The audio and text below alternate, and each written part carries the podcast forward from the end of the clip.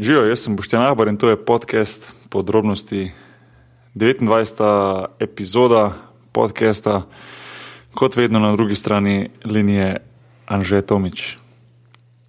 Živijo, ja, to je to. to Noč mi nisi rekel, živijo, veš, sam Ja, povedal si sem te, da malo sem moraš, mogel, ja. malo sem mogel spremeniti, da ne bo skozi isto. si v redu? A, sam, sam. Imaš kakšno šokantno novico za mene? A, v bistvu ne, v bistvu ne. Poplavni bilo, evo, vreme, bum, ček. To je to. Plav ni bilo, ni bilo neki govora, da bo ful neko sra- sranje. Ja, pa, kazala je panika, očitno ne bo taka. Čeprav ne vem, kaj pa jaz vem. Tako da, ampak ja, načeloma zaenkrat ni še nič. Okay. Držimo pesti, da bo še naprej suho.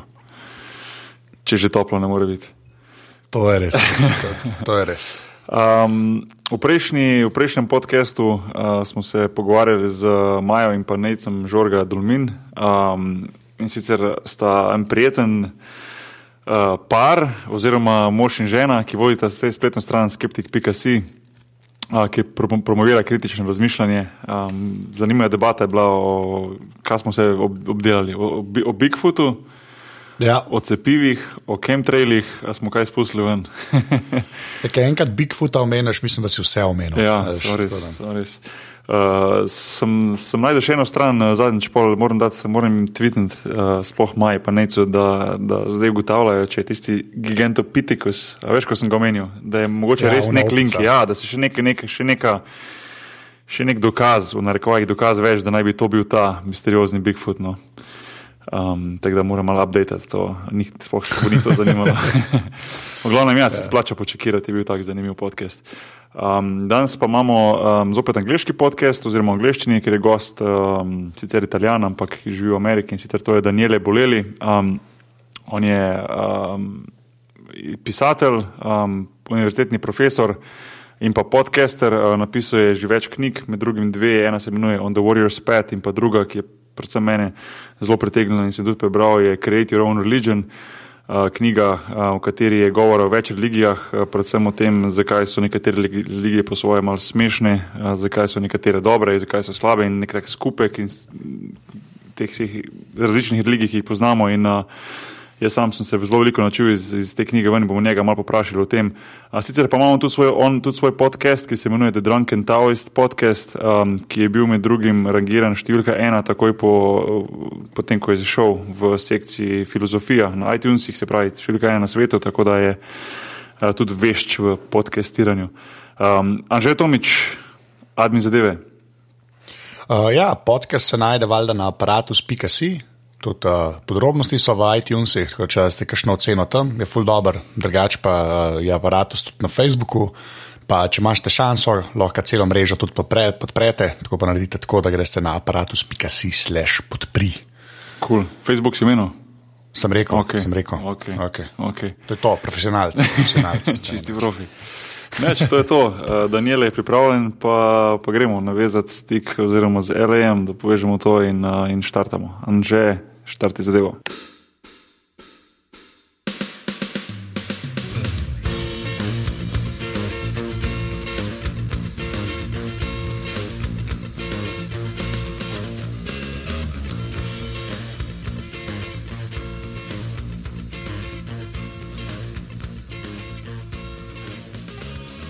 All right, um, Daniele Bolelli. Uh, finally, this is happening. Um, I uh, in the in the intro that uh, uh, we recorded with Anže, I explained to people that um, it was a it was a back and forth email conversation for a while between you and me. Um, finally, finally, we got online and uh, we're able to talk. So, welcome to the Details Podcast. I'm really really happy to to have you here.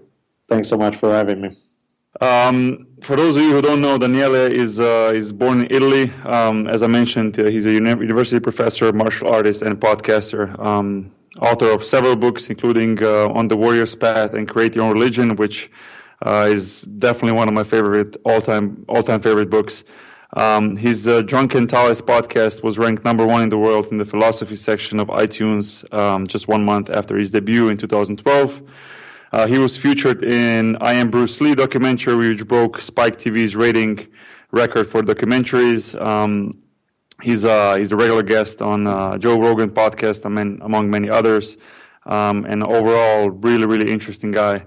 Uh, Daniele, I gotta ask you first, and uh, I'm, I'm sure I've I heard it before when when one of your podcasts, but I want to know if if I if I go on your webpage, if mm-hmm. anybody goes on your webpage, the first photo that you see of you is you wearing a nice shirt and a tie and books in one hand, and then wearing a, a MMA glove on the other with the with the middle finger uh, popping up and, and uh, you know uh, bruised bruised eye you know like bruised nose explain this photo photo to people who, who would probably go on, on your webpage right now and look at this photo it's a perfect explanation of Taoism, right? There's a little bit of yin yang right there. There's the nerdy, cleaner version, and there's the just tough and uh, MMA uh, rough version of it all.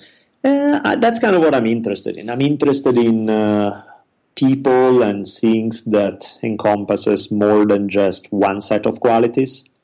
I'm not interested in human beings who do their best to live up to stereotypes. I'm interested in human beings who are who can surprise me. So I mean, if somebody's people who like to read a lot and were very sensitive in that regard and were very after a while there's only so many times i want to talk about books. Let's do something else. By the same token people are all about sports sports sports action physicality. It's great but even that gets boring after a while. My right. thing is um, to be a complete human being to be ultimately an interesting human being you need to be multifaceted. You need to be able to touch lives in different form. Uh, life doesn't speak a single language. You know, life is uh, is made of so many different energies, and I'm interested in exploring a lot of them. Mm-hmm. Yeah, I think that that that photo um, really really sums it up perfectly. Um, the way the way you explained, and uh, you know, listening to you, to your podcast and listening to you being on other shows, it, it, it, it really, really, it's a perfect one. I don't know who came up with the idea, but it's, uh, it's definitely a perfect, perfect photo. Dig it. um, you, you've been living in LA for how many years now? Uh, since 1992, so that's now 22 years. Yeah, so it's it's it's been a while. Um, yep we had um, when every time we have from some people, whether they're from states or people who lived in states and are from Europe, we always ask them like, how do they adjust? How, how do they get used to to living the American life? You know, especially living in LA, which is such a specific American city. Um, you know, the differences you had to go through once you had to like get adjusted to living there. Um, you're from Milan, right? And it's, yeah. it's, I imagine the cities are much much different from each other. Um, you know, give us your thoughts on that. Yeah, I mean, at first it was really rough because um, like well actually no the very beginning was great because for a few months i felt like this is the friendliest place in the world. I had like a million phone numbers right away. People became friends much quicker than in europe. I was like this is awesome. But then i also realized people became friends really fast because they the speed of life here is such that the odds are either you hit it off right away or you are never really going to meet each other down the road again. So it's it wasn't you know, it, Europe, a lot of it is you you meet somebody, you start out slow, you develop more. It's kind of built over time. Whereas here is there is no time. It's either right now or people are gone in about three seconds. So I find it kind of there was an element of it that was sort of superficial. There's an element that's exciting because you do run into a lot of people, many of them really interesting human beings but it also doesn't really give you, I mean, especially LA, where people come from all over the place, and uh, the nature of American life is motion. People are here one day, the next day are across the globe, then they leave in, you know, it's not like in Europe, you can get away from people even if you want to. You know, it's like you're going to find the same people you went to kindergarten with, they are still living in the same house 40 years later.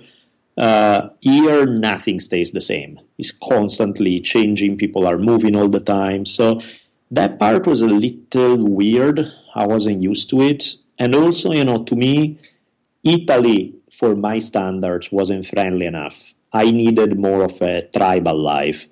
LA is a million times less than Italy.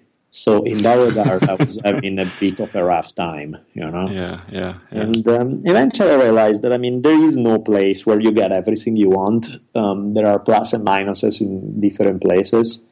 And one of the things that's great about LA is that just about anything you want to do, you have the opportunity to do it. There's somebody out there who's working on those very things. So LA is awesome for getting stuff done, um, running into interesting human beings. Is problematic from a, if you are interested in community, big network of friends, or all of that. But yeah, good luck here. That's not going to happen. But um, but you know, it's like anything else. It's plus and minuses. And plus, it's not even like even the pluses of Italy. It's not that when I was in Italy, I was all that happy about it. I needed more than that. So it's not that I went from a situation where I had everything I wanted in one regard, and then LA was offering me other things even the stuff I did like about Italy wasn't quite enough of what I wanted. So after a while, I figured, you know, that's probably not going to happen in Italy or in LA. At least in LA, I get some, I get to do stuff. What, what, about what about the food though? Like I mean, Italian. Uh, like I, I, lived in the states and I, have been to LA many times and in different restaurants. But the food itself, like once you go to Italy and you have the real Italian food, I don't think any restaurant, no matter how many times they say that it's authentic, I don't think nothing can compare to a typical Italian I agree. restaurant. I agree. No, the food is uh, yeah, it's a sore spot. It's good that you get to try other things. You know, like Thai food in LA is great. Uh, you're not gonna get Thai food in Milan, that's for sure. Mm-hmm. So, you know, Thai food is great. There are a few other things that I dig, but yeah, as far as Italian food goes, yeah, that's sorely missing. I, you know, I cook at home as much as I can. I mean, I'm, I never really go to an Italian restaurant out here, but the ingredients are different. You know, it's yeah. changing in Italy too. Like the quality of food is actually not as good as it used to be just 10 years ago. I don't know if it has to do with commercial farming practices or what, but it's definitely going down even in Italy. Uh, but clearly, Italy still, you know, head and shoulders above what I can get out here.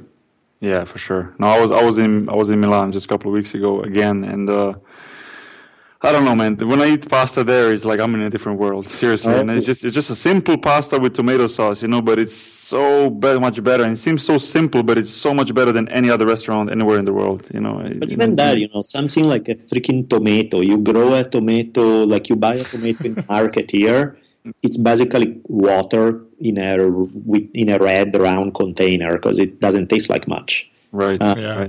Right. you buy, and again, it's not quite as good as it used to be. But you got a tomato in Italy, it tastes like a whole different thing. It fills yeah. you up a lot more. It's like it's a very different beast. Well, yeah, it, it tastes like a like a tomato. Yeah, exactly.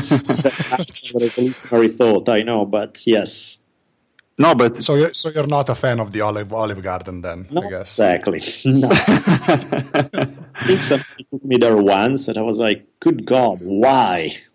yeah, yeah, yeah. No, I understand. Oh no, I no, I the the food thing is always uh, like interesting to me because I think the only thing the Americans got right was the beef. Yeah, yeah, yeah, yeah.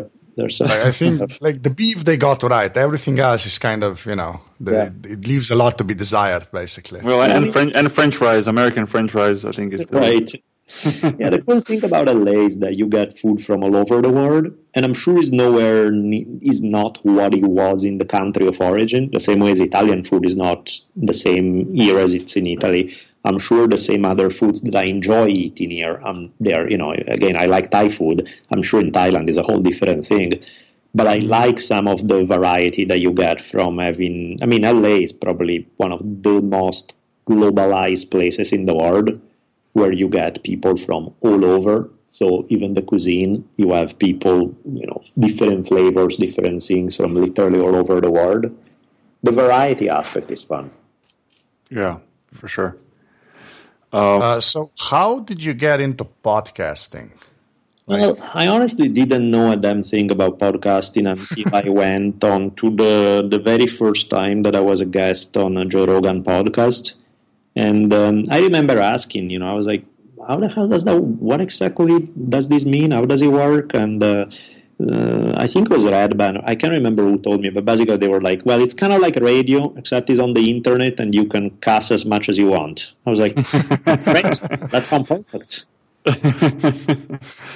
and then, after being a guest enough times on uh, several podcasts, I started getting people asking me about it, and hey, why don't you start your own thing? And you went on for a good year or so and then uh, eventually i mean i was really just trying to avoid it in a way because uh, i didn't quite see the full potential and i saw how much work it would be to set up so i was like you know what, sure, if somebody is going to take care of the editing for me and is going to worry about staging it, iTunes, everything else, and I don't, I just need to speak in a microphone, sure, but otherwise, sorry, too busy. And you know, the second I said that, which I thought I'd found the perfect excuse not to have to deal with it anymore, like immediately I got emails from Rich Evers was like, "Hey, I'm an editor here in Culver City, a few miles from you. Uh, you have access to a studio." And then Evan Culver was like, "Oh, I'm I can take care of your website. I can put everything on iTunes." And I'm like, "Oh shit, I guess I have to do a podcast now." so, so you record your podcast in the studio? most of the time, yes. Okay. Okay. Yeah, occasionally we've done it at home a few times. Um, I've done at home the um, I put together this thing that I put on my website, which was this uh, lecture series that I put up for sale about Taoism, and uh, that one I recorded at home, and I was kind of curious. It was sort of a test to see if it would work or not, and uh, it worked out great because you know not having guests when it's just you talking, it's easier to do even just with my Mac plug in yeah. microphone in. Uh, somebody showed me how to use GarageBand, and then I was like, okay, I can do this. And um, and then it was um, yeah, and I was really happy. You know, I would get to put my daughter to bed. The second she falls asleep, I go in my room, record 20 minutes of lectures. Great. Do it over a period of time. I eventually ended up having seven hours of material, put it out there. I was like, oh, this is kind of fun. So I'm thinking there's a second podcast that I want to start that's going to be more history based. So yeah, like I, I, just saw that. I just saw that on you. You talked to some people on Twitter. I just saw it yesterday, and yeah. I'm super excited about that. Do you have any time frame when you, when you're going to start it? Because history is like one of the my favorite topics, and uh, obviously listening to Dan Carlin's hardcore history is. Uh, is amazing, but adding you to the mix would be would be unbelievable. I can just imagine to add your your special touch of you know the way you view religion, the way you, you, your view of the world would, would just make it unbelievable. So I just want to know how, how close is that to actually happening. I don't know. My goal was when I first figured out, yeah, I'm going to do this a few months back. I was like, okay, before the end of 2014. And now there's not much time before the end of 2014. It's definitely not going to happen. but uh, you know, I'm thinking, I'm hoping early 2015, like maybe February or something like that. I'm not. So June. So June. Yeah, exactly. June. yes. Realistically, you know, right now is um, I'm writing a, I'm finishing writing a book, so I need to get that out of the way before I can dedicate any attention to the historical podcast. I did do some this summer, like I did uh, put all the notes together, all the research for one episode. So the one I just have to record. That should be quick. But I really want to have at least three or four episodes recorded already before I start releasing them, because then the amount of time you have to research between episodes is so long that I don't want to have people waiting forever from one episode to the next. So I want to buy myself at least a little cushion at the beginning where I have maybe three or four episodes ready to go while I'm doing the research for the next one. Because mm-hmm. so, that's what that's what happens to Dan Carlin, I think. Uh, you know, because he's doing it on the go, and and he's you know he's doing the I think he's doing the uh, the First World War podcast now. Um, yeah. And and it's like three four months in between one and the other podcast, which it, it's it's such an amazing podcast that is definitely worth the, worth the wait. But it is sometimes in between. You're like, ah, oh, when is it gonna come out? You know, you're like, exactly. for it, and that wait is not always nice. You know. No, and the thing too is that you know Dan. That's not how he started. You know, he can do, he can afford to do that now because by now he has such a devoted following that people will wait three four months because they know that it's gonna be amazing when it comes out. Right. Starting out, I can't afford to do that. I will need to release on a more regular basis. So I'm thinking like at least eight to ten episodes a year, something like that. So that means if I have to put something out almost every month or at least six weeks or so, six weeks is not really enough when you know I'm working full time in college, I'm doing a million other things. There really is not enough time to do all the research uh, for a serious, heavy subject in history and put it together. So I really need to have at least a initial head start with a few episodes ready to go before I can uh, before I can start releasing them. Do, do you have more or less an idea of which which uh, time in history you wanna you wanna tackle more? It's gonna, like... be, it's gonna be all over. It's really gonna be just whatever is intense, passionate, makes for great storytelling. Then that's where I'll go. So I'm thinking, you know, the first few, the one that I've prepared is all about the slave wars in ancient Rome, primarily Spartacus, but not only. You know, there are three three different slave wars during a period of 70 years in Rome. I'll do those ones. Mm-hmm. Then I was thinking I want to do. I definitely want to cover early on some of the um, the Battle of the Little Bighorn. You know, Custer against the Lakota people, Crazy Horse, all of that kind of stuff. Um, I want to cover. What I'll do to keep myself relatively sane is I'll mix some of these big epic episodes that are probably going to run over two hours with some that are a little shorter where I don't need to do quite as much um, historical research. So, for example, I, I want to do one about. Uh, remember the story about that one guy that they found in the Alps? Uh, oh, oh yeah, yeah, yeah, yeah. Mm-hmm. yeah, yeah. The Iceman, you know, the of one that, that man made. It's a cool story. It's great. It's fun. But realistically, I probably end up talking 45 minutes to an hour. There's only so much you can tell since, you know, it's all based on archaeological stuff. There's limited uh, amount of uh, sources you can go on. Yeah. So, you know, I'm thinking of mixing those. You know, I'll do Epic, Spartacus, two and a half hour episode. Okay, the next one is 45 minute Iceman episode. And the short ones are going to give me the chance to actually release them on time because, you know, the big epic ones, it takes probably three months to do research. So, exactly. in order to release stuff more often, I have to alternate with some that are a little faster. Yeah, yeah, for sure. Um, do you um, do you like feed on the on the on the feedback you get back? Like, I mean, is it is that something that motivates you to keep going on, or you or is there also part of you just doing it for yourself, for your passion of the history or the, your passion of, of religion? Um, the the podcast you're doing now. I mean, it's it's obviously it has to be something you do for yourself first and foremost because you need to enjoy it. Otherwise, no amount of feedback will make it worth it but at the same time the feedback also is a huge push because suddenly when you know like anybody you have your moments where like why am i doing this again? What's the point? Yeah i mean i know this stuff. Why do i need to work so hard for it?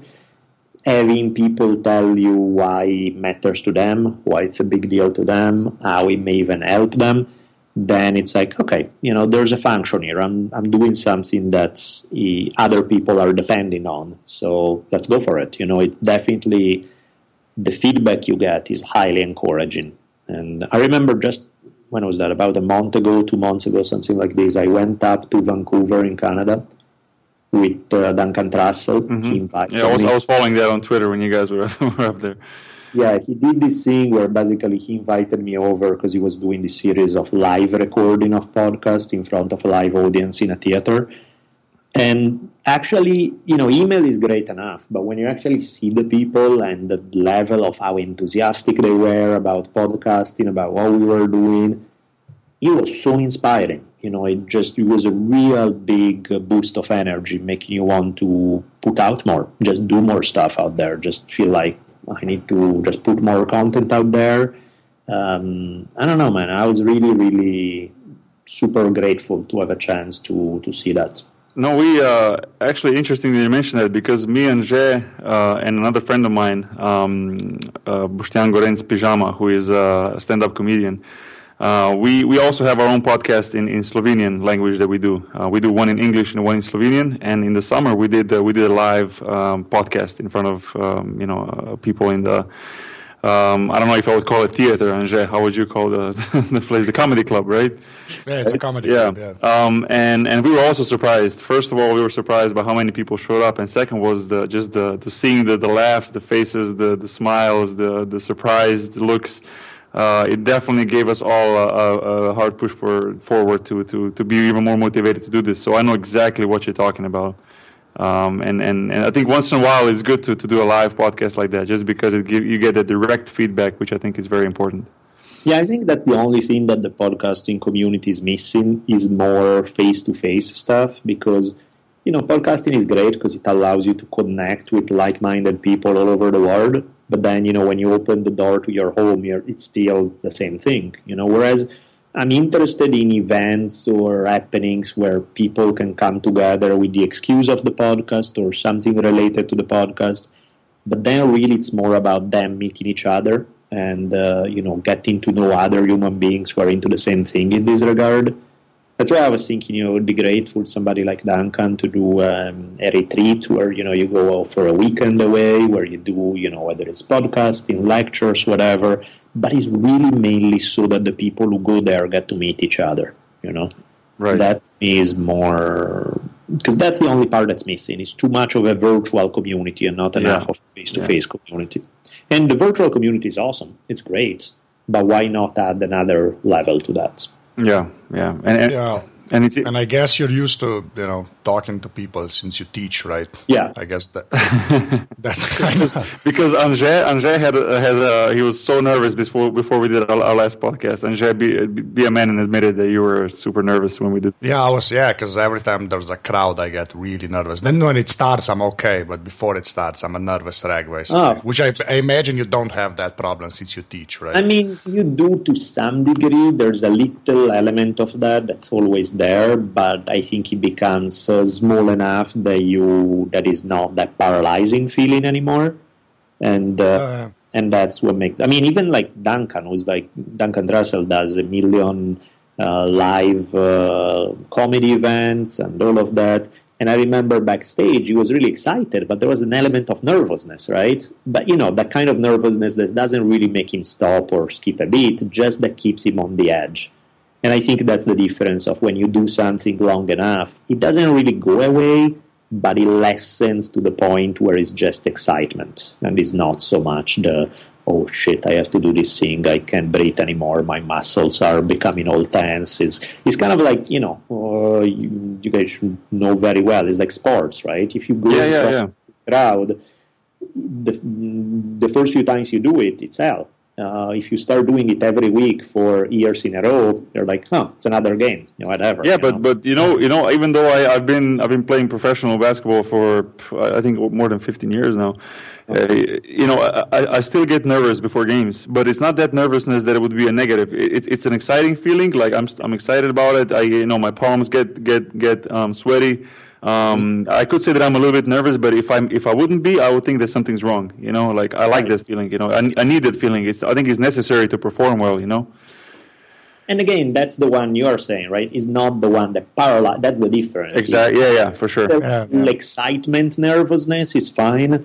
The one that's not fine is the one that paralyzes you, which is the one that you are going to have. I mean, especially public speaking, if you don't do it regularly, most people do get that feeling of like, oh shit, I have to speak in front of all these people. What am I? g-" You know, it's it's scary. It's weird. Yeah. Yeah. Did, did, did, that, did that ever happen to you in the past? That, that even in the beginning when you started teaching and you had people, you know, their eyes open and looking at you, that you like st- stuttered for a little bit and couldn't continue? Like, did it ever happen to you, or you were you were always able to go just through it? I think I got through it, but it was at the edge, right? Where it was like, ooh, damn, this is, you know, where you feel it beforehand. And, you know, after a, little bit, I started getting more and more used to it. I became less and less nervous. But I remember, yeah, once was really funny because I decided I would sit in a class the first day of classes in a semester. I wanted to sit among the students, kind of just to get the vibe from them, and then I would get up and start, right? and after sitting among them, where so you have these, uh, oh, who's gonna step up and let's see that. Suddenly, I was I was nervous all of a sudden, which I hadn't been in years because I was feeling it from the other side, and I was like, oh shit, there's more pressure now. yeah, yeah, yeah. Okay, okay. I know what you're trying to say. Interesting. Yeah, that's- Yeah. Andre. Uh, so speaking of teaching, like wh- what do you teach? I teach primarily, I mean, I've been kind of all over the place. Lately, it's primarily history. I'm teaching uh, American Indian history. I'm teaching U.S. history. And I'm That's teaching- awesome since you're an Italian. I know, it's awesome. funny. And- That's, Yeah. And I never really took a U.S. history class in my life before, so that's kind of fun. It's, uh, so yeah, U.S. history, Native American, and uh, history of uh, religions, world religions. Well, yeah, okay. See that that makes more sense for an Italian, I guess. The religion But I stuff. think you know the um, I've been really all over. Like I taught um, like for example, most ethnic studies department in US, the only people who teach in those departments are people who are from that particular ethnicity. So you know, in an African American study department, everybody's African American. In a Chicano Latino department, everybody's Chicano Latino. In an Asian American study. And I ended up teaching in two different of those departments because I've taught regularly for a long time in American Indian studies and I've taught courses in Asian American studies, and I'm neither of those things, and somehow I ended up doing that anyway. I think that kind of is my way of, I, I don't really fit in in a simple box where, you know, I went up to one day an Asian American study department when I'd barely gotten my first master's. And I went up to this department at UCLA where you can only teach with a PhD the expectations is that probably you should be Asian American and you probably should have done a bunch of university work in Asian American studies. I had zero work in Asian American studies. I was not Asian American. I did not have a PhD. and I ended up teaching for them anyway. And part of it is because I ran into a cool person that he liked the project. You know, I basically told him, look, I can teach this course about uh, history and philosophy of martial arts and uh, also about martial arts in cinema uh, if it if you don't give it to me, it's not like you're gonna find somebody else who can teach that stuff. So you know, you decide you either like the class and you pick me, or or you don't or you don't do it. Period. Because there's no one else who's gonna be able to do it. And I think he was open-minded enough and cool enough that he was like, yeah, I think students would dig it. Why not? Let's go. And in fact, I had a blast doing that. But you know, it's like that has been kind of my mo. People here expect you to especially academia, they want to specialize in one thing and be the guy who's all about that. That's not how I work. I like to oh, yeah. focus on a bunch of different things, and to me, it makes it more interesting. So, what, what would you what would you describe your your, um, your teaching style? I, I, read on I read on your web webpage a comment that uh, uh, many students would, would would call it a half stand up comedian, a half Zen master. Um, like yeah. I, I, mean, I, am sure it's got to be really interesting, interesting to be your student. Like, how do you how do you approach teaching? Like, what what what really is your style, and how do you try to like motivate um, the students to to to you know follow to what you're trying to teach? I think that's why the hardcore history by Dan Carlin resonated with me because that's sort of my my approach is it needs to be entertaining it needs to be i don't expect you to care about the subject or to have any previous knowledge. I just expect you to be a human being with emotions. So we sit down and to me it's like sitting over coffee with a friend and you're just telling them some really amazing story.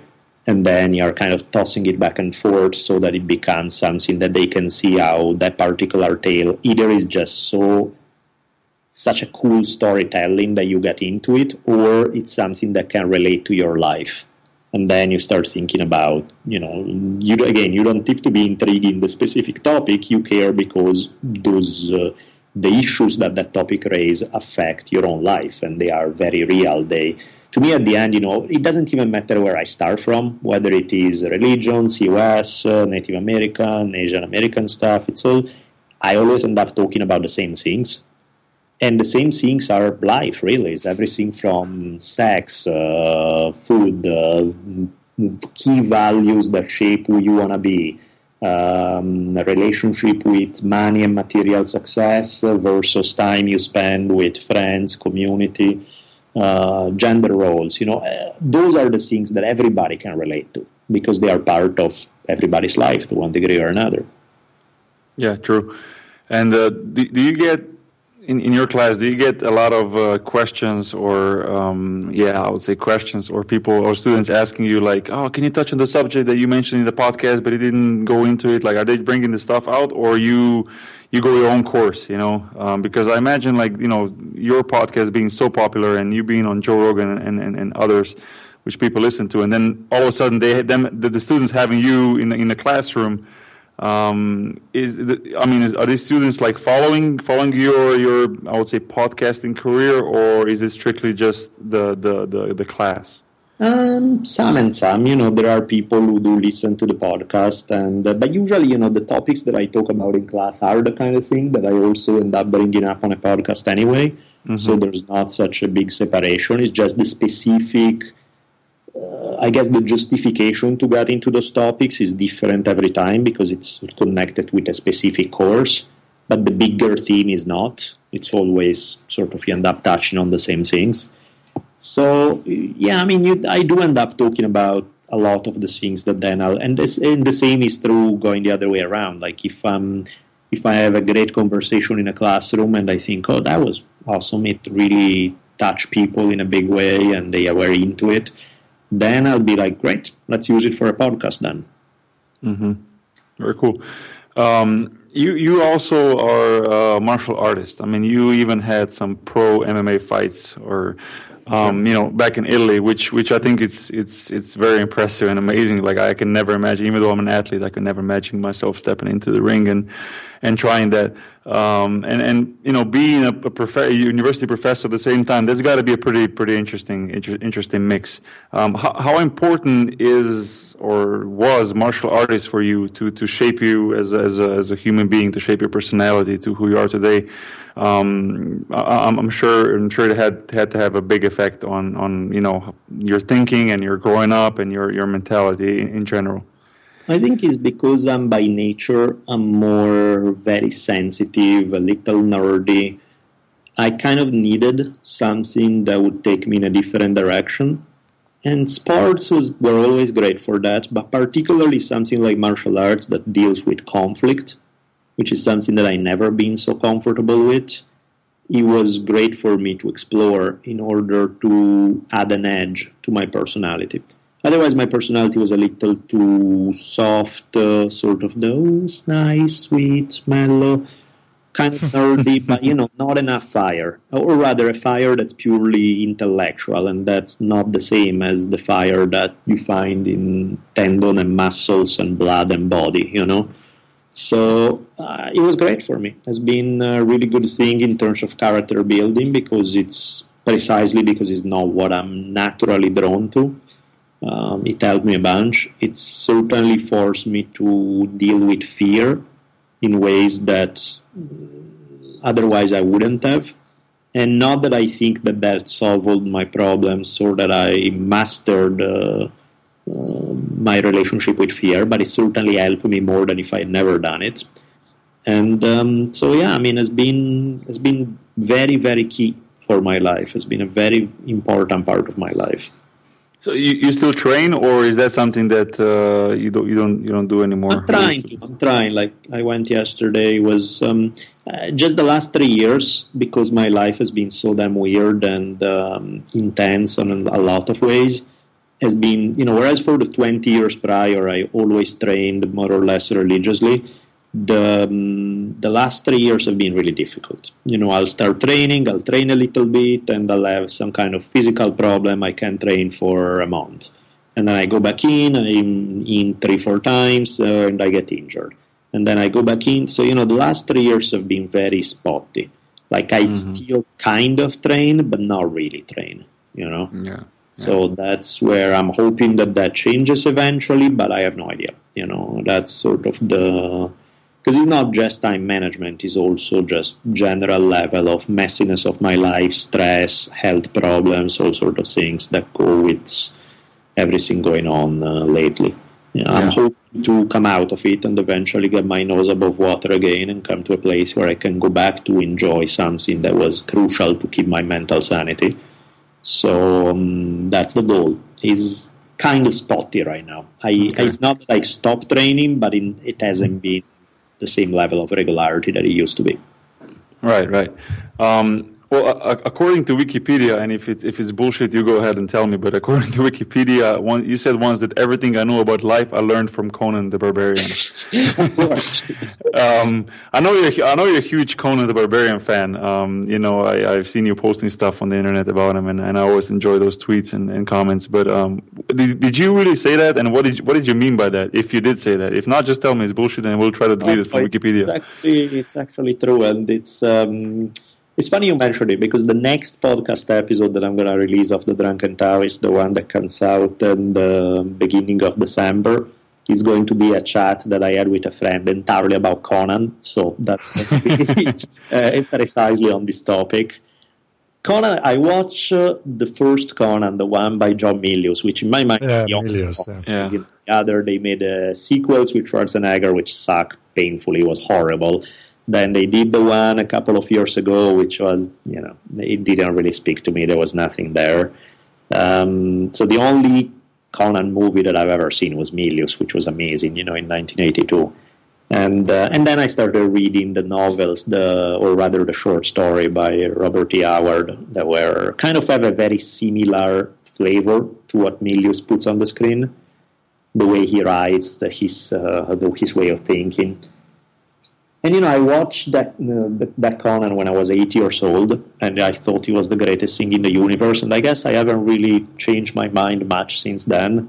One of the things that I dug about it was this sense of, um, as much as Conan may sound like this, you know, sword and sorcery and just something that exactly a prepubescent teenage boy may like. I actually find something much more profound to it on another level. Conan, there's an element of it that is an existential approach to life. You know, there is the sense in Conan that there are forces out there that are greater and bigger than you, and there's really not much you can do about it. But you can decide how you're going to go down. You know, you can decide that, yeah, there may be no greater cosmic meaning to it all. There may be that the gods, so to speak, figuratively or not, however you want, don't really give a crap about your own individual life there may be this inherent sense of kind of tragedy in the human condition, which is sort of what would make a lot of the existential philosophers get really tortured and introverted.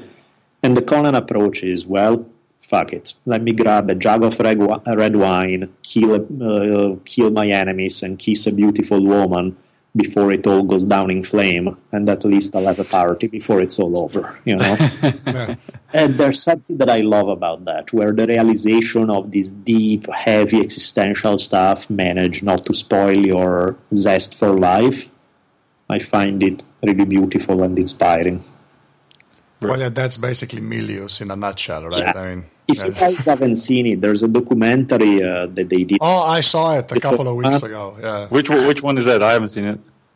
it's, uh, it's just Milius, right? Exactly. It's called Yeah. Milius. I had uh, one of the guys who did the documentary on the podcast a few months back, and Oh, awesome. That particular thing is i mean usually how good can a documentary be that talk about the, the, the career of a screenwriter director with lots of people in front of a camera talking and not much happen right?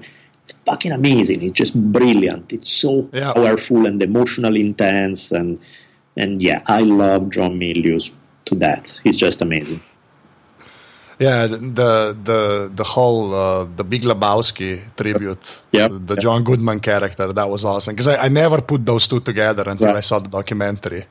But then it makes sense because even the like John Goodman basically looks like him in that movie with the vest and everything. so- Yeah, no, Milius is nuts, and I like him precisely for that. But to give you, I guess, to add to the Conan thing and uh, give you a flavor, this is something that I do bring up in this episode that I'm releasing at the end of the month. I was um, flying, I was on this plane flying back from Italy to US, and um, my girlfriend was there with me, and she was asking me, What do you dig so much about Conan? What is that you like so much about it? and I started answering and I went three words into it and I couldn't quite get it. It wasn't what I wanted to say. I started again and I was like, yeah, that doesn't quite capture it. And so then I just grabbed her, just kissed her passionately for three minutes straight, and I was like, that's why I did Conan. Exactly. she was convinced after that. That's really cool. um, Anže, go go ahead. I don't want to Oh be the yeah, one the, talking. the the Bruce Lee documentary. Yeah, So how how did you get involved with that? That's a fun like, it's- story. Yeah. Yeah, because I imagine it is. Yeah, because we, yeah we've talked about Conan so far, so this is gonna be awesome, probably. But yeah. Bruce Lee thing is actually there's a long genesis to this, which is bizarre. I'll make it short, but I'll keep the key points. Is for um, I was trying to um, I was in Cardiff, Wales, and uh, since since Cardiff Wales has a lot to do with with Bruce Lee, I guess. Yeah, exactly right. So while I was there, I found out that there was a university professor there, Paul Bowman, who had written this book about Bruce Lee. And I found out that one of the chapters of the book was kind of picking apart something that I'd written about Bruce Lee. And he went on and on about it for a whole chapter. And I was like, huh, interesting. And this guy is right here. So I was like, okay. So I went to his office hours to meet with him. And so when I was like, he was kind of looking at me like, huh? And I'm like, oh, Daniele Bolelli. And I, again, I'm probably making this up. I'm actually 95% sure that I'm making this up and this is not what happened, but I like my version better, so I'll tell it that way. I could swear that in his eyes there was the moment of, oh shit, this guy, this guy read what I wrote about him and he came from Italy to kill me you know, Godfather style to exact reverse. So he was super polite with me and super nice. And the more I played nice with him, the more he was like, no, no, but I really like your stuff. Da, da, da. And eventually we left, and he was all pleasant and mellow. And and eventually, what happens is the um, by you know a few months later, I get this call uh, from somebody saying, "Hey, we're shooting this documentary about Bruce Lee." Uh, Paul Bowman, who we contacted because he's the top academic dealing with Bruce Lee issues, strongly recommended you for your writings and stuff. and so, can you? We have tomorrow. We are interviewing Kobe Bryant. So right after, we could interview. I'm like, sure, I can fit right after Kobe. I can do that. so it, that's how it went. You know, it was kind of like a last minute thing, and I just went in. We did the recording. I hit it off real well with the director, Pete McCormack, who's a really great guy, smart, brilliant, and ever since we've been trying to work together on some projects. So it's been it's been great. I had a blast. Very cool, and it was uh, you know it was on Spike TV, correct? And yeah, it was on Spike. It gave me a chance to meet uh, Shannon, Bruce Lee's daughter, who then became one of the very first guests on my podcast. So oh, it was great. Cool. I had uh, I had a really good time with it. And Shannon was a super sweet lady. I was very happy to have a chance to meet her. So very cool. And and, yeah. and, and, and, what's your what's your opinion on, on Bruce Lee in, in general in general as as an icon? You know, obviously he's a he's a world known, uh, you know, was movie star, whatever, whatever you want to call, it, you know, martial yep. artist. But but he's he's been so much so much more than that. I mean, I'm sure you have your own view on, on him as a as a personality, as an icon, and I would really like to like to hear that. Yeah, I mean, one of the things about Bruce Lee that made him who he is is his fire. You know, he could have been, uh, doesn't matter what he would have done in life, he would have had that fire anyway, and people would have felt it anyway, because his personality was just so much more intense than most other people. He happened to have the luck to push it through writing and fighting, which were things that gave him enormous notoriety but again, part of it is just, you know, somebody else tries to do Bruce Lee is not the same thing. It's just that power that he has and his own personal charisma.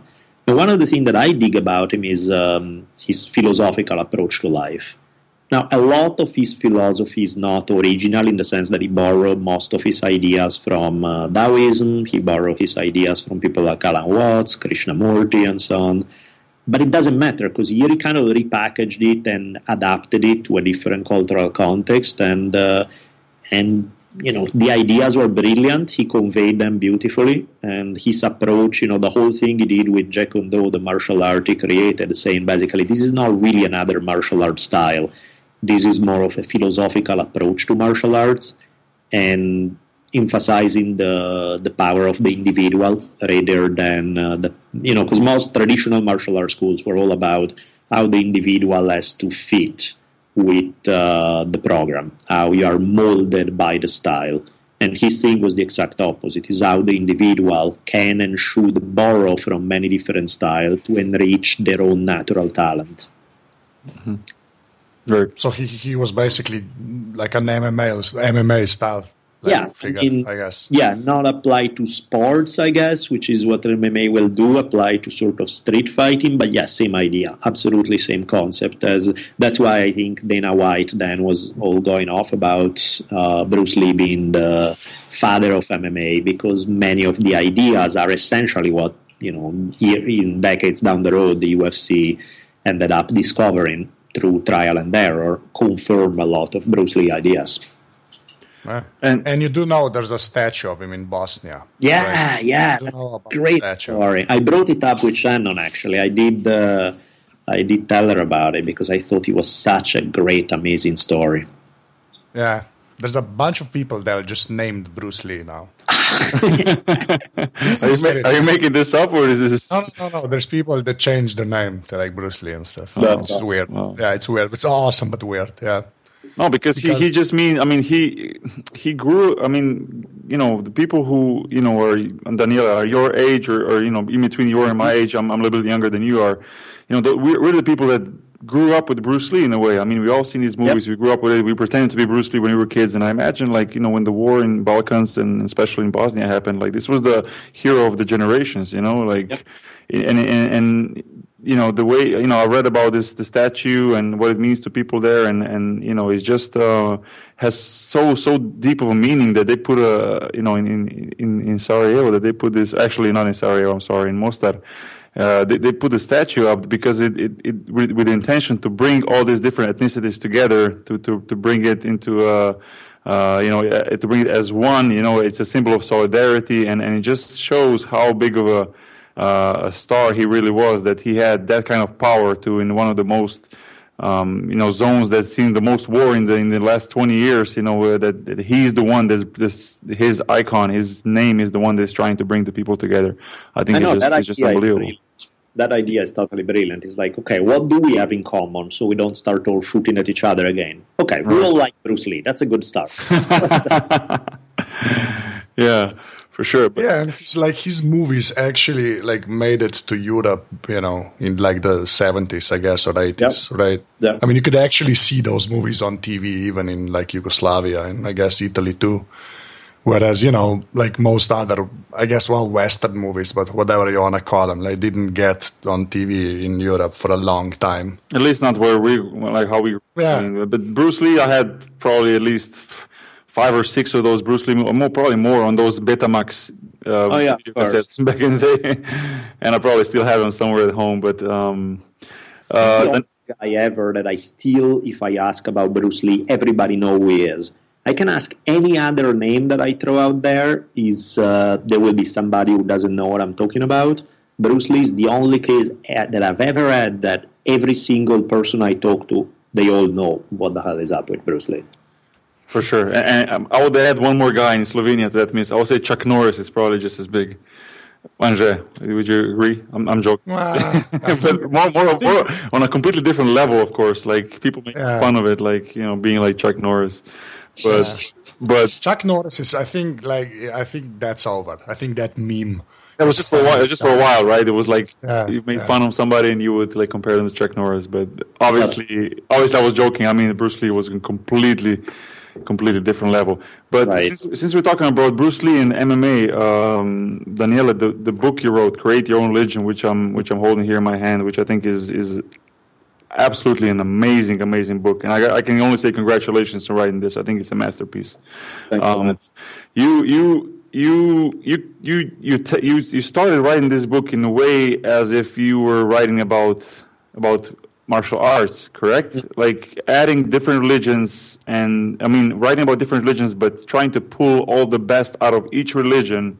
Yeah and in, in, a way you can compare that to MMA, which is you know mixed martial arts, where you try to you know pull everything out from each martial art, all the best things, and combine it into the best possible fighting style you can have.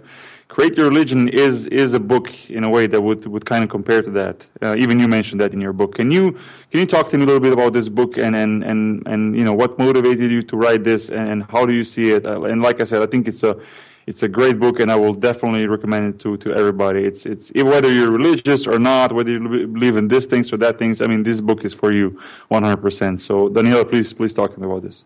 Yeah, basically, the Create Your Own Religion is sort of the what Bruce Lee did applied in martial arts. Is this is trying to do about religion, which is what any honest human being wants to be honest with themselves need to do which is examine their beliefs, whatever was passed down to them, examine other possible beliefs on the same topic, and as Bruce Lee put it, sort of discard what's useless, absorb what's useful, add your own touch to it, and create your own path in this process. So when it comes to religion, you know, people kill and be killed in the name of religion all the time. People will, uh, and a lot of it is not even like sometimes I wonder, like, do you really believe this stuff, or is just that you develop an emotional attachment because that's how you are raised? And so, to me, it's not an insult to question things; it's a way to make it better, to make it real. I mean, maybe you find out that everything you believed is exactly right, but you have now good reason for feeling that way. Whereas a lot of the time, I feel that people just um, the problem I have with, and not just to religion, this applies to political philosophies, applies to martial arts, applies with every field of human experience. Human beings have a tendency to become dogmatic. Because anytime we find something we like, then we want to protect it, we want to keep it, we want to never change it, we want to, which is sweet and all, except that leads to turning things into dogmas, and dogmas lead toward very dangerous, ugly roads when it comes to religion in particular, religious dogma does a lot of damage, which does not mean religion does a lot of damage. It means religious dogma does a lot of damage. So my thing is, how can we keep the best that different religions have to offer without being bogged down by all the ugly negative stuff? And so what I do is sort of take a look at the stuff that I really don't like about various traditions. And what I do is I go topic by topic. I take sort of the big topics of human life, whether we're talking about our relationship with the environment, our relationship with our own bodies, our relationship in terms of gender roles, attitudes towards sex, attitudes, you know, all the key elements that anybody who's alive will have to deal with in one way or another everybody need to sort of find their own answers to these issues because they affect how you're going to carry yourself out in the world. To me is let's explore those topics. Let's see what answers are out there in order to figure out which ones really make sense to us. And maybe it happens that we do find the right answer within one tradition or maybe it becomes a matter of taking from two three four different traditions and mixing it together to create our own answers that really make sense to us and works but that's sort of the approach to it. Yeah, and um, you know, uh, you know, going going through the book and reading about all these all these uh, different topics that you just mentioned, um, there's there's so many moments where where you. Where, where, in my experience, I would just put the book down and think about it, or you know, think about the topics that you're mentioning, or simply um, just just have to laugh about, it, especially the the the segment "Grandma from Hell," the story that you listen to the Christian radio on the way home from uh, from uh, whatever you were. I mean, things like that that makes you think, that makes you think about religion, it makes you ask like the world we live in, and and and you know the, the, the what religion is doing to to us, and how is it creating or changing the world, and so many so many more questions pop up. I think at the end of the, the end of it, you know, it, it, it really is like you said. It's important that you find your own way, that you question things, and that you you can grow as a personality in that kind of way. Um, you know, my my question would be as soon as I knew that we are finally going to sit down or you know be able to talk. Mm-hmm. Um, my my I always wanted to ask you this one one question, um, and I'm I'm a little bit afraid that it could be a stupid question, but still, I want to see your reaction to it. Um, if you could envision the world without religion, I mean, can you envision it? Like, it, would that world be be possible to exist? I mean, I don't um, see it for one reason because um, re- the popularity of religious beliefs is intimately tied to fear of death because we all want answers about what the hell happens after we die, and you know, rationality doesn't give us the answers. So I don't really see until we figure out a way. You know, if we figure out the technological solution by which nobody dies anymore, then I can see how maybe religious beliefs would be one of the primary reasons for their popularity would decline. But until that happens, people need to come to terms with their mortality. And uh, pure rational scientific knowledge doesn't really give you any kind of solid answers to allow you to do that which means that in one way or another, people are going to need uh, something else. And which is, again, the reason why I don't really see religions going away anytime soon. Because it's too, they address something that nothing else does. Mm. Doesn't mean they address it well, or they all do, but it means they address it. And in some cases, people would rather have a so so answer than a no answer to issues such as, you know, is there meaning to life? What happens after we die? All of those kind of things. You know, the uh, hardcore materialistic scientist approach of oh consciousness is just an accident you're just uh, um, a body and then when it's over it's over there's no in- inherent meaning in anything is not exactly the most uplifting thought ever and by the way to some degree even that requires faith because there's no proof that that's true either you know that's also um, it's not like we know that for a fact and all the religious stuff we know it's crap but we decide to believe it because it makes us feel good. The reality is nobody knows. And nobody's gonna know anytime soon anyway. So but most human beings can't deal with the ambiguity of not having an answer to those kind of questions. And So- again that's why conan comes back and he will say Um, so I don't know if if if if one could create a religion, um, what, what what what would your your opinion a perfect religion look like? If that if that's even possible to to to imagine or to envision, you know, one uh, open-minded in the sense that willing to adapt its beliefs in a case-to-case by scenario rather than you know setting super rigid rules that then there are 3 million exceptions to so why are you even setting up rigid rules if you are going to allow for so i would be encouraging something that's very flexible in its nature that reject any kind of fanaticism so you know anytime I mean, to me, the litmus test for whether a belief is healthy or not is how it affects your behavior. If it makes you a nicer human being, if it makes you nicer to your neighbor, if it makes you help the old lady cross the street, I don't even need to agree with what you believe, but I like it already because it is making you a nicer person. If your beliefs make you want to chop the heads of the people who believe different from you, it's a horrible belief. It doesn't even matter what it is. It could be great, but if that's how it affects you, it's a bad deal. So I'm interested in those beliefs that help uh, elevate the quality of human life, which of course there's an element of it that's subjective. But you know, a religion that uh, allow us to go in harmony with our physical self, in a religion that doesn't make us battle against our instincts, a religion that maybe refine our instincts but doesn't deny them, a religion that uh, figure out a way for human beings to live on this planet rather than destroying it. You know, those are to me the key, and these are just a few. Uh, religions that don't put one gender down or make life incredibly harder for, in this case, historically it's been primarily women.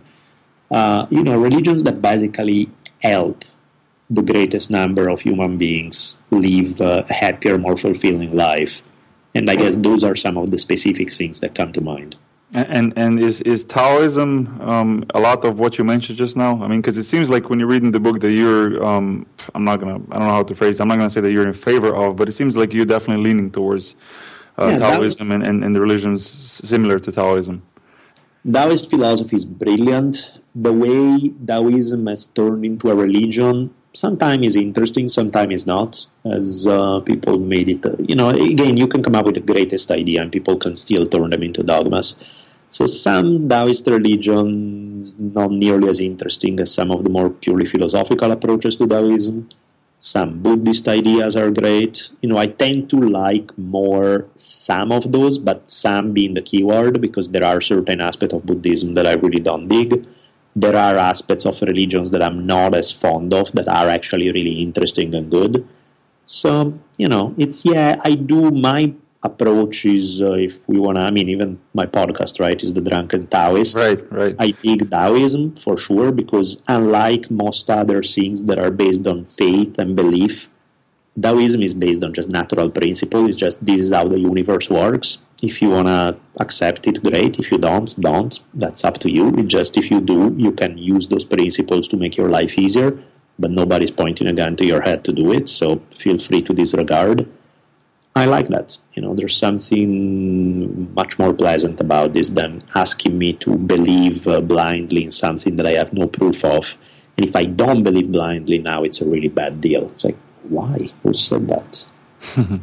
Right, and and, what about uh, what about atheism? Uh, we've heard. I mean, it seems like it's a it's a almost like as if it's a it's a new religion, a religion of of the new millennium, or you know, the the I've, I've listened to the last last podcast you had with Joe Rogan. You were mentioning atheism plus, I think, was it? Yeah. Um, I mean, I mean, and I've, you had some interesting opinions on that, and uh, there's definitely some things about atheism that I would say, okay, I can I can agree with that, but there's when it comes to like again pushing it down your throat and all, almost becoming a new religion, that's where I have a I have a problem with it. What's what's your opinion on that?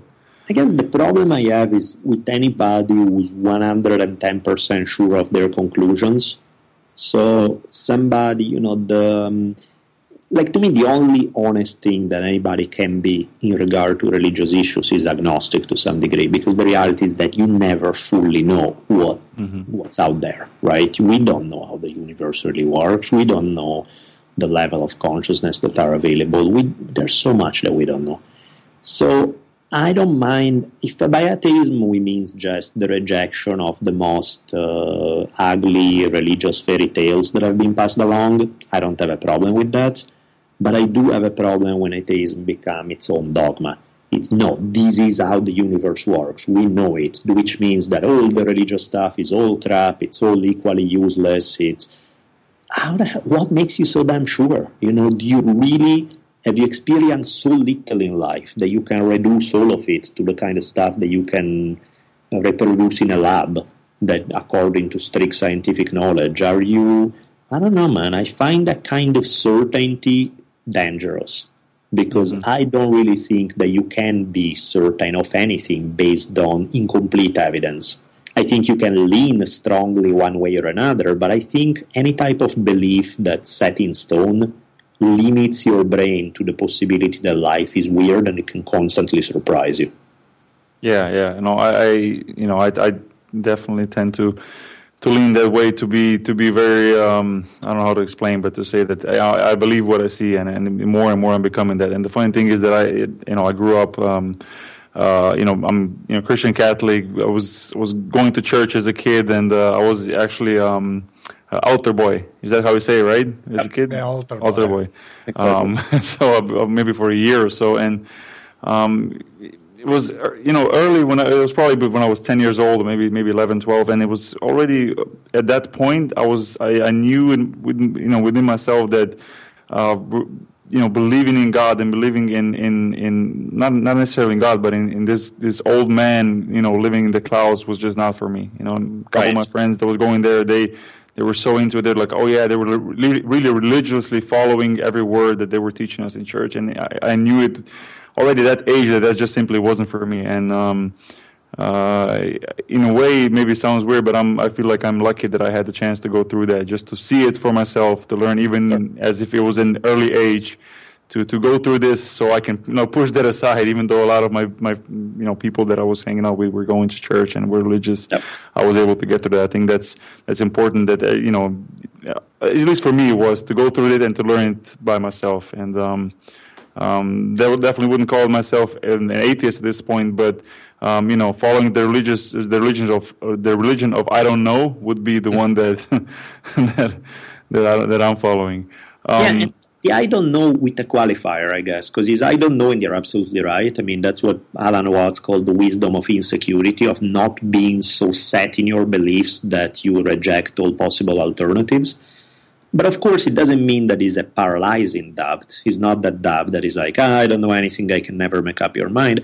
You know, you can have very strong instinct that push you one way or another, that sort of like, this is what I seem to make sense to me, until if something else shows up that makes me think differently, great. I'll, I'll change, gladly change my mind on that day. Right. Right. So it doesn't mean that we don't need to have any beliefs, but it is a very healthy step to keep you light on your feet. Yes, definitely, oh, yeah. definitely good advice. Yeah. Um, and then atheism is like a I don't I don't know that word like over here that word basically never gets mentioned. Mm-hmm. I just think that's a really American thing, right? Because uh, yeah, be, because America's America, I guess. Well, and also because here organized religion is really big deal. You know, it's yeah. such a big deal that then the opposition to it is also becomes a big deal. yeah, that's why. Yeah, that's why I think that's that's a great point because I think it's just yeah, that it's basically just because organized religion is such a huge thing there. Yeah, the opposition has to be stronger, I guess. Yeah. Than it is over here. Yeah, absolutely. Because I mean, when I grew up in Italy, it's like how many people did I know were really hardcore Catholic for real? Very, very few. out here, it was a trip, man. Just like Mm. degree to which people were really strongly, big time religious, it was really nothing that I'd ever seen in Europe before. Which yeah, which surprises me like all the time. You know, Yeah, me when I talk to Yeah. people from America, like it just that that that's oh maybe since the 2000s and the whole Bush era, Mm. right? You got a glimpse of that even like through just the news, right? Because you hear about the Karl Rove stuff and you Right. know the the uh, born again people and Mm-hmm. all of that. But like that never even entered my mind that that was actually part of America because America was supposed to be, you know, the people fleeing from religious persecution, and then you know, Yeah, just- yeah. yeah, it's a trip, and again, LA is nothing compared to most other places in Los, in US. When you travel through so much of the United States, it's like got this, got that everywhere, very strongly felt. In a way, that kind of freaked me out. I can imagine. And you're Italian again. We Yeah. see this is yeah, we're coming full circle. So yeah, that's okay. they really must be weird. So yeah, okay. Yeah. Uh, Daniele, uh, w- without without getting into it too much, um, but but still, as a- as a, as a parent, I have to ask you because you're such a. I really look up to you in that in that in that regard. Um, you know, you had a, a heavy tragedy tragedy. You know, a few years ago was with the you know loss of your wife, and Yep. and, and, and being a parent, you have a, you have a little girl. Uh, I think she's she's about four or five years old now. Five, Um, yep. Yeah, seems just like my oldest daughter, and um, it, I mean, I, I, I'd like to know how, how did you how did how did you adjust to such a heavy loss? Like as a parent, like how did you get through it? I mean, you know, I, like I said, it's it's it's, it's I'm really looking up up up to you in, in, in that regard. It's it's uh it's it's really nice to to to see you like in the last podcast that uh, you were with Joe Rogan, which I mentioned a couple of times. Your daughter was there. I mean, it was special and. Uh, um, you know how, how did that change you and, and what kind of father are you striving striving to become with all these things that you just mentioned now in the podcast that you're doing obviously you have a very busy life uh, but still Yeah, I think it's um, halfway pat myself on the back, halfway not, because clearly, you know, my daughter is happy. She's now five, so it's been almost four years. As um, so, you know, I clearly have done something right in that regard, but at the same time, you know, there are clearly something that I've not done right because uh, I've paid a heavy price because obviously I haven't dealt with things probably in the best possible way. Not that I know what the best possible way is, otherwise I would have gladly done it. But you know, the fact that I had a million health issues over the last three years is directly connected with mental issues. You know, with the fact that I was uh, that uh, stress had to go somewhere, and you know, on a through sheer willpower, I didn't let it go to a place where it would uh, make me ineffective in taking care of my daughter but my body took a toll. So, you know, the combination of uh, mm, heavy grief and stress for a long period of time, I'm still trying to figure out ways to adjust to it. You know, in some ways, my life, the last three and a half years, I've done so much stuff that I'm very happy about. Primarily, you know, how my daughter came out and, you know, anything from podcast and a bunch of other things. And then on another level, I'm regularly struggling with just a certain heaviness that creeps up on me, despite all the good stuff that I'm doing, despite the fact that I'm having a blast in this and that and the other. And uh, it's kind of a constant battle, and I'm trying to figure out a way how to just get my nose above water for good, because um, cause it's weird. It's like I'm one day I'm like super happy, excited about what I'm doing. The next day I feel this heavy sense of I hate to call it depression, but it's something along those lines that try to sink me down. And so I need to go to battle with it again and try to rise up. And some days it doesn't work, and I just have this, you know, heavy energy to me. And then eventually I manage to pull through.